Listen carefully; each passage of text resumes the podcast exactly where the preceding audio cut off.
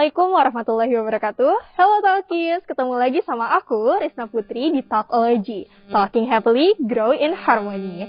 Nah, hari ini merupakan hari yang spesial banget buat seluruh perempuan di Indonesia. Kenapa? Karena hari ini merupakan hari Kartini. Nah, selamat hari Kartini buat kalian semua. For your information, Kartini atau Raden Ayu Kartini merupakan salah satu pelopor kebangkitan perempuan di Indonesia.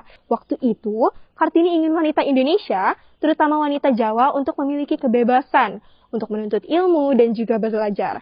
Kebayang dong betapa berjasanya Ibu Kartini ini. Tanpa beliau, perkembangan pendidikan bagi perempuan di Indonesia pasti bakal lambat banget. Nah hari ini Tatologi ngundang salah satu gestar keren. Dia salah satu alumni perempuan SMA Al Kausar yang sekarang kuliah di Universitas Indonesia. Nah, gestar kita juga merupakan pemenang Student of the Year 2019. Daripada lama-lama, langsung aja yuk kita temui.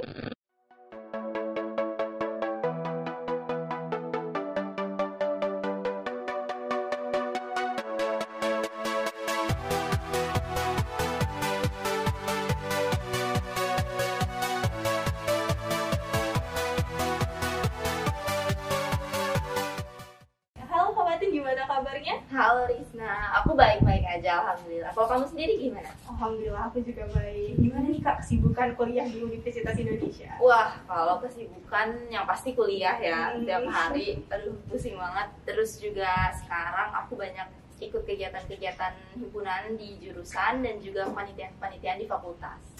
Nah, gimana nih selama di Universitas Indonesia ada merasa kangen nggak sih sama SMA Kausar? Aduh, kalau itu nggak usah ditanya lagi Oh, sih. Pas datang ke sini tuh bener-bener ngerasa kayak wow gitu kayak banyak yang berubah ya di SMA. Kalau padahal kayak baru bentar doang perginya.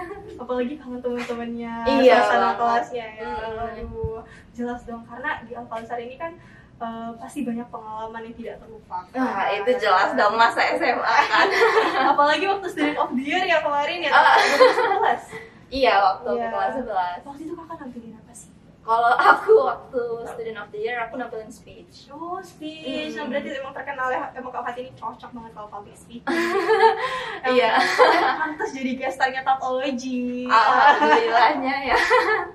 Nah, Kak Fatin, hari ini kita mau ngomongin tentang Hari Kartini. Oh iya iya. Tentang para perempuan Indonesia. Ya, Mm-mm. jadi sambil jalan aja gimana? Oke, boleh. Oke. jadi yang pertanyaan pertama nih, Oke, gimana? apa aja arti Hari Kartini menurut Kakak?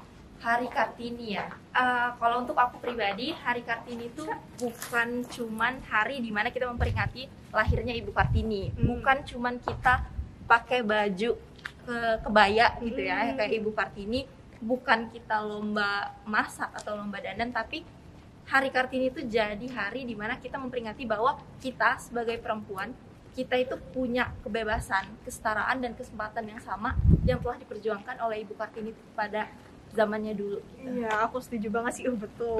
Nah, Kak, kan Mm-mm. Ibu Kartini terkenal atas jasanya Hmm. dalam memperjuangkan pendidikan perempuan Indonesia. Benar banget. Ya kan, berarti banyak dong nilai-nilai yang bisa diteladani. Wah, nah, menurut iya, Kakak, banyak banget. apa aja sih nilainya itu? Kalau untuk aku nilai keteladanan yang bisa di, kita pelajarin ya dari Ibu Hmm. Kartini jelas gimana dia dulu memperjuangkan eh, kesetaraan untuk perempuan-perempuan pada masanya. Karena kan kita tahu sendiri ya pada zamannya itu Ibu Kartini itu dia ingin melanjutkan pendidikan tapi dia nggak bisa. Kenapa? Iya. Karena latar belakang Iya. dari kulturalnya yang Iya, melarang betul, kalau betul. perempuan itu Setuju nggak banget. boleh lanjut pendidikan. Jadi eh, dari hal itu sih aku belajar gimana dia tuh empatinya untuk eh, memperjuangkan hak-hak yang lain gitu Hmm. untuk pendidikan semuanya tanpa memperhatikan apa latar belakang dan status sosial keluarganya gitu. Iya, oke betul banget. Berarti emang Ibu Kartini ini tinggi ya rasa besar untuk membantunya, Mm-mm, untuk memperjuangkan mana hal yang benar. Bener banget. Selain itu juga aku ngerasa kalau eh, Ibu Kartini itu eh, memperjuangkan eh, hal yang bisa aku teladanin ya, karena eh, kita belajar untuk kita nggak mengotak-kotakan perempuan gitu. Apa Iya. yang bisa perempuan lakukan dan apa Hmm. yang perempuan nggak bisa lakukan, itu tuh nggak ada gitu. Karena aku percaya semua orang punya kesempatan Nah, Kak, selanjutnya kan ini udah zaman sekarang lah, ya, udah zaman Iya. now. Nah, udah agak lama nih jaraknya dari Hmm. Kartini yang dulu. Menurut Kakak nilai-nilai keteladanan Kartini itu udah hilang dari udah hilang di zaman sekarang ini atau masih diperjuangin? Ah, kalau nilai keteladanan hilang atau diperjuangin, menurut aku itu dua-duanya. Satu sisi nilai keteladanan itu masih ada yang hilang gitu, Hmm. karena kan Ibu Kartini awalnya memperjuangkan untuk kesetaraan nih. Hmm. Jadi kita bisa mendapatkan hak yang sama, kesempatan yang sama. Iya. Tapi di satu sisi sekarang pun kita masih dihadapin dengan masalah yang sama gitu. Iya, Di mana kita nggak dikasih kesempatan, kita di kotak-kotakan, kita di labeling gitu. Ini Hmm. adalah punya perempuan, ini adalah punya Iya, laki-laki setuju, dan setuju. ada batasan yang jelas yang kita nggak bisa lewatin gitu. Iya, Padahal kan semua orang tuh berhak aja gitu untuk melakukan hal itu gitu. Kenapa harus dibatasin karena gender? Hmm. Tapi di satu sisi juga eh, karena adanya peningkatan kesadaran ya akan hal ini, Hmm. jadi nilai-nilai keteladanan ini tuh di- makin diperjuangin. Kita bisa lihat kan banyak organisasi non-profit yang Iya. bergerak untuk pemberdayaan perempuan, terus Hmm. gerakan-gerakan sosial yang memperjuangkan juga hak-hak perempuan gitu. Jadi Hmm. ya balance menurut aku. Hmm, ya, setuju setuju. Tapi kita tetap harus sih meningkatin eh, ningkatin perjuangannya lagi gitu. Hmm, ya, intinya pada akhirnya tuh semua orang tuh sama, semua orang manusia lah Hmm, ya. benar banget. Gender itu nggak semeter itu dalam Iya, kesempatan. Benar Oke. banget. Gimana kita mau mulai kalau kesempatan aja nggak dikasih? Iya, betul banget. Startnya aja nggak ada. Iya, benar banget. Nah, terus menurut kakak, eh, seberapa besar sih pengaruh Ibu Kartini itu dalam kemajuan emansipasi wanita Indonesia sekarang sehingga beliau sangat dihormati?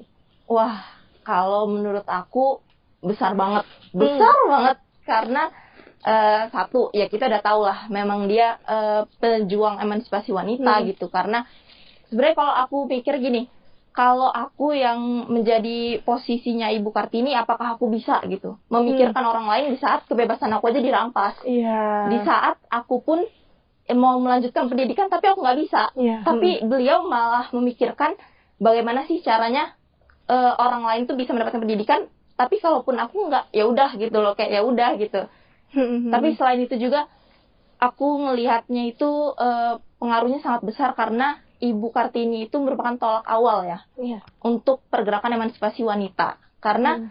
kebayang nggak sih kalau misalnya Ibu Kartini nggak mulai pas zamannya gitu Waduh, mungkin susah banget emansipasi wanita tuh baru mulai lima tahun yang lalu atau Iya. bahkan lima tahun ke depan Mm-mm. mungkin kita nggak nggak bisa sekolah di Alkausar kali ya Oh, iya, karena cuma betul buat banget. cowok gitu buat laki-laki Nah kak ini kayaknya panas, mending kita duduk Oh, lagi iya. aja nih, Oke, neduh oke. dulu. Oke, sini. oke Oke, selanjutnya Hmm, kak. gimana? Nah, gimana sih cara kakak ini menerapkan nilai-nilai yang sudah diajarkan oleh Ibu Kartini di kehidupan sehari-hari? wah kalau untuk penerapan banyak ya kalau untuk aku pribadi aku prefer untuk terus belajar untuk terus ningkatin kemampuan diri aku dan Hmm. untuk ngebuktiin kalau gender itu bukan halangan aku untuk berkarya dan menjadi lebih baik Hmm. Nah, selain itu juga eh, aku rasa kita bisa ya untuk ningkatin awareness kita terhadap perempuan dan kita tuh stop untuk mengkotak-kotakan perempuan lagi, melabelkan perempuan Hmm. kayak udahlah gitu. Kita itu sama, Hmm. biarkanlah perempuan dan laki-laki itu me- apa ya, melakukan kompetensi mereka tuh sebaik-baiknya Hmm. untuk output yang lebih baik gitu. Dan kemandirian kan sekarang udah banyak ya wanita-wanita mandiri gitu. Jadi Hmm. itu bisa sih jadi salah satu contohnya gitu karena kita dilihat juga kan sehari-hari kalau misalnya eh, masih peran laki-laki itu masih dominan gitu sampai kayak eh, me-overshadow si per- peran Hmm. perempuan tersendiri gitu Iya, iya. jadi mungkin kita bisa mulai dengan kita men-treat perempuan memperlakukan perempuan itu sebagai equal partner gitu partner Mm-mm. yang setara gitu Hmm, jadi kayak perempuan itu tidak belong di mana-mana, mereka belong di tempat yang mereka inginkan. Iya, gitu benar ya. banget. Oke. Nah selanjutnya kak, apa pendapat kakak tentang hadirnya para kartini hebat di zaman sekarang? Nih, kan ada contohnya misalnya kayak Najwa Shihab, Mm-mm. Maudi Ayunda, ada Menteri Sri Mulyani, dan juga masih banyak lainnya. ya, Mm-mm, ya, benar. Nah, pendapat kakak bag- eh, menurut tentang mereka tuh gimana sih? Kalau pendapat aku, mereka jelas keren banget. Iya. Jadi inspirasi Iya tersendiri dong, dong, buat kita ya kan.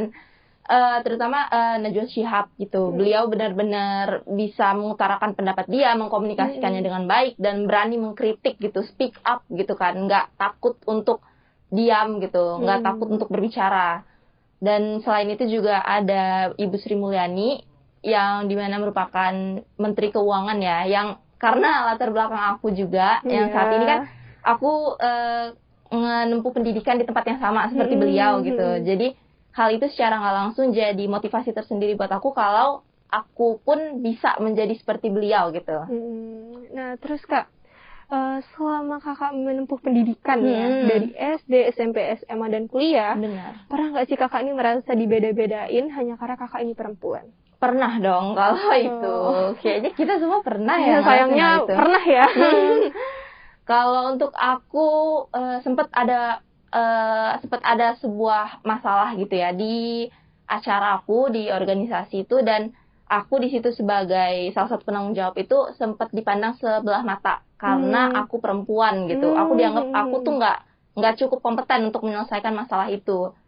Dan kalau di sekolah juga terkadang ada beberapa hal kayak kita kumpul untuk kerja kelompok gitu ya misalnya dan kadang kan eh, sempat ada celutukan-celutukan atau bahkan emang bener dilakuin gitu Hmm. kayak eh, udahlah biarin mereka aja yang perempuan gitu ini tuh mereka yang bisa gitu ini tuh mereka yang biasa lakuin gitu Hmm. padahal kan itu di situ kita kerja kelompok ya kita sama-sama gitu Iya, betul, betul. bukan langsung ngalihin tanggung jawab gitu aja Ya. Nah, Kak, terus Mm-mm. eh, gimana sih caranya kita ini buat nge-raise awareness ya, kesadaran ke Mm. orang-orang terdekat seperti keluarga ataupun teman-teman. Kalau perempuan itu juga equal sama seperti para laki-laki. Hmm, kalau menurut aku pribadi, sekarang kan banyak ya akun-akun media sosial yang memperkenalkan gitu. Bagaimana sih kita meningkatkan awareness kita terhadap kesetaraan dan perjuangan perempuan ini gitu. Mm-mm. Kita bisa mulai dengan share itu ke beberapa Ya. teman kita, teman perempuan kita gitu. Dan juga eh, kita juga bisa mengedukasi diri kita gitu dengan pemahaman-pemahaman itu. Sebenarnya apa sih yang dimaksud dengan hal itu gitu? Karena eh, jujur untuk aku pun sendiri aku di sini memperkenalkan pendapat aku gitu ya menyuarakan pendapat aku dengan banyak kekurangan. Aku juga bukan yang paling paham di Iya. hal ini gitu. Tapi aku terus mengedukasi diri aku terus memperbaiki kekurangan aku ke depannya. Dan eh, hal lain juga kan ada tuh gerakan-gerakan tapi sekarang lagi stop ya Iya, gara-gara covid pandemi. ya pandemi gitu kita bisa ikut juga gitu kalau emang Hmm. kita ada waktu luang dan kita bisa untuk ikut andil gitu kita nggak apa-apa kita ikut gitu gerakan itu gitu Hmm. kayak kemarin ada Women's March Ya, betul. Mm-mm. Ya itu untuk mengenal lebih jauh ya mengenai Iya, benar. apa gimana perjuangan para perempuan di zaman Mm-mm. sekarang. benar banget benar Nah, oke yang terakhir nih Kak. oke Ada nggak sih pesan buat para penonton Tapology di Hari Kartini ini? Eh, pesan aku untuk semua penonton, baik perempuan ataupun laki-laki, kita semua adalah manusia. Kita semua berhak mendapatkan kesempatan yang sama. Kita semua bebas untuk berekspresi. Jadi, mari kita buat diri kita tuh menjadi versi yang terbaik dari diri kita masing-masing dan memajukan negara ini kali ya. Iyalah pasti. Karena kalau misalnya perempuannya tidak maju, tidak sama dengan para laki-laki, gimana bisa negaranya maju? Iya, benar Bakal dong. susah. Iya. Karena Kartini juga kan nggak mem- nggak hanya memperjuangkan kebebasan pendidikan ya, pasti dia juga ingin kebebasan dalam aspek-aspek lain. Iya, benar banget. Dan itu nggak cuman bisa dilakukan oleh perempuan, tapi lelaki pun bisa gitu. Jadi kita Hmm. sama-sama memperjuangkan hak ini Oke. baik untuk iya. semua gender. Nah, gimana teman-teman Salkis? Eh, asik banget ya, keren banget. Pokoknya betul-betul menambah insight dan membuka pikiran kita obrolan di hari ini. Nah, makasih Kak Fatin atas kehadirannya. Iya, aku juga makasih Risna. Hari ini seru banget. Oh iya, aku juga senang kok wawancarin kakak. Nah gitu aja Talkis episode Takologi hari ini. Sampai jumpa di kesempatan berikutnya. See you. Wassalamualaikum warahmatullahi wabarakatuh. Dadah. Música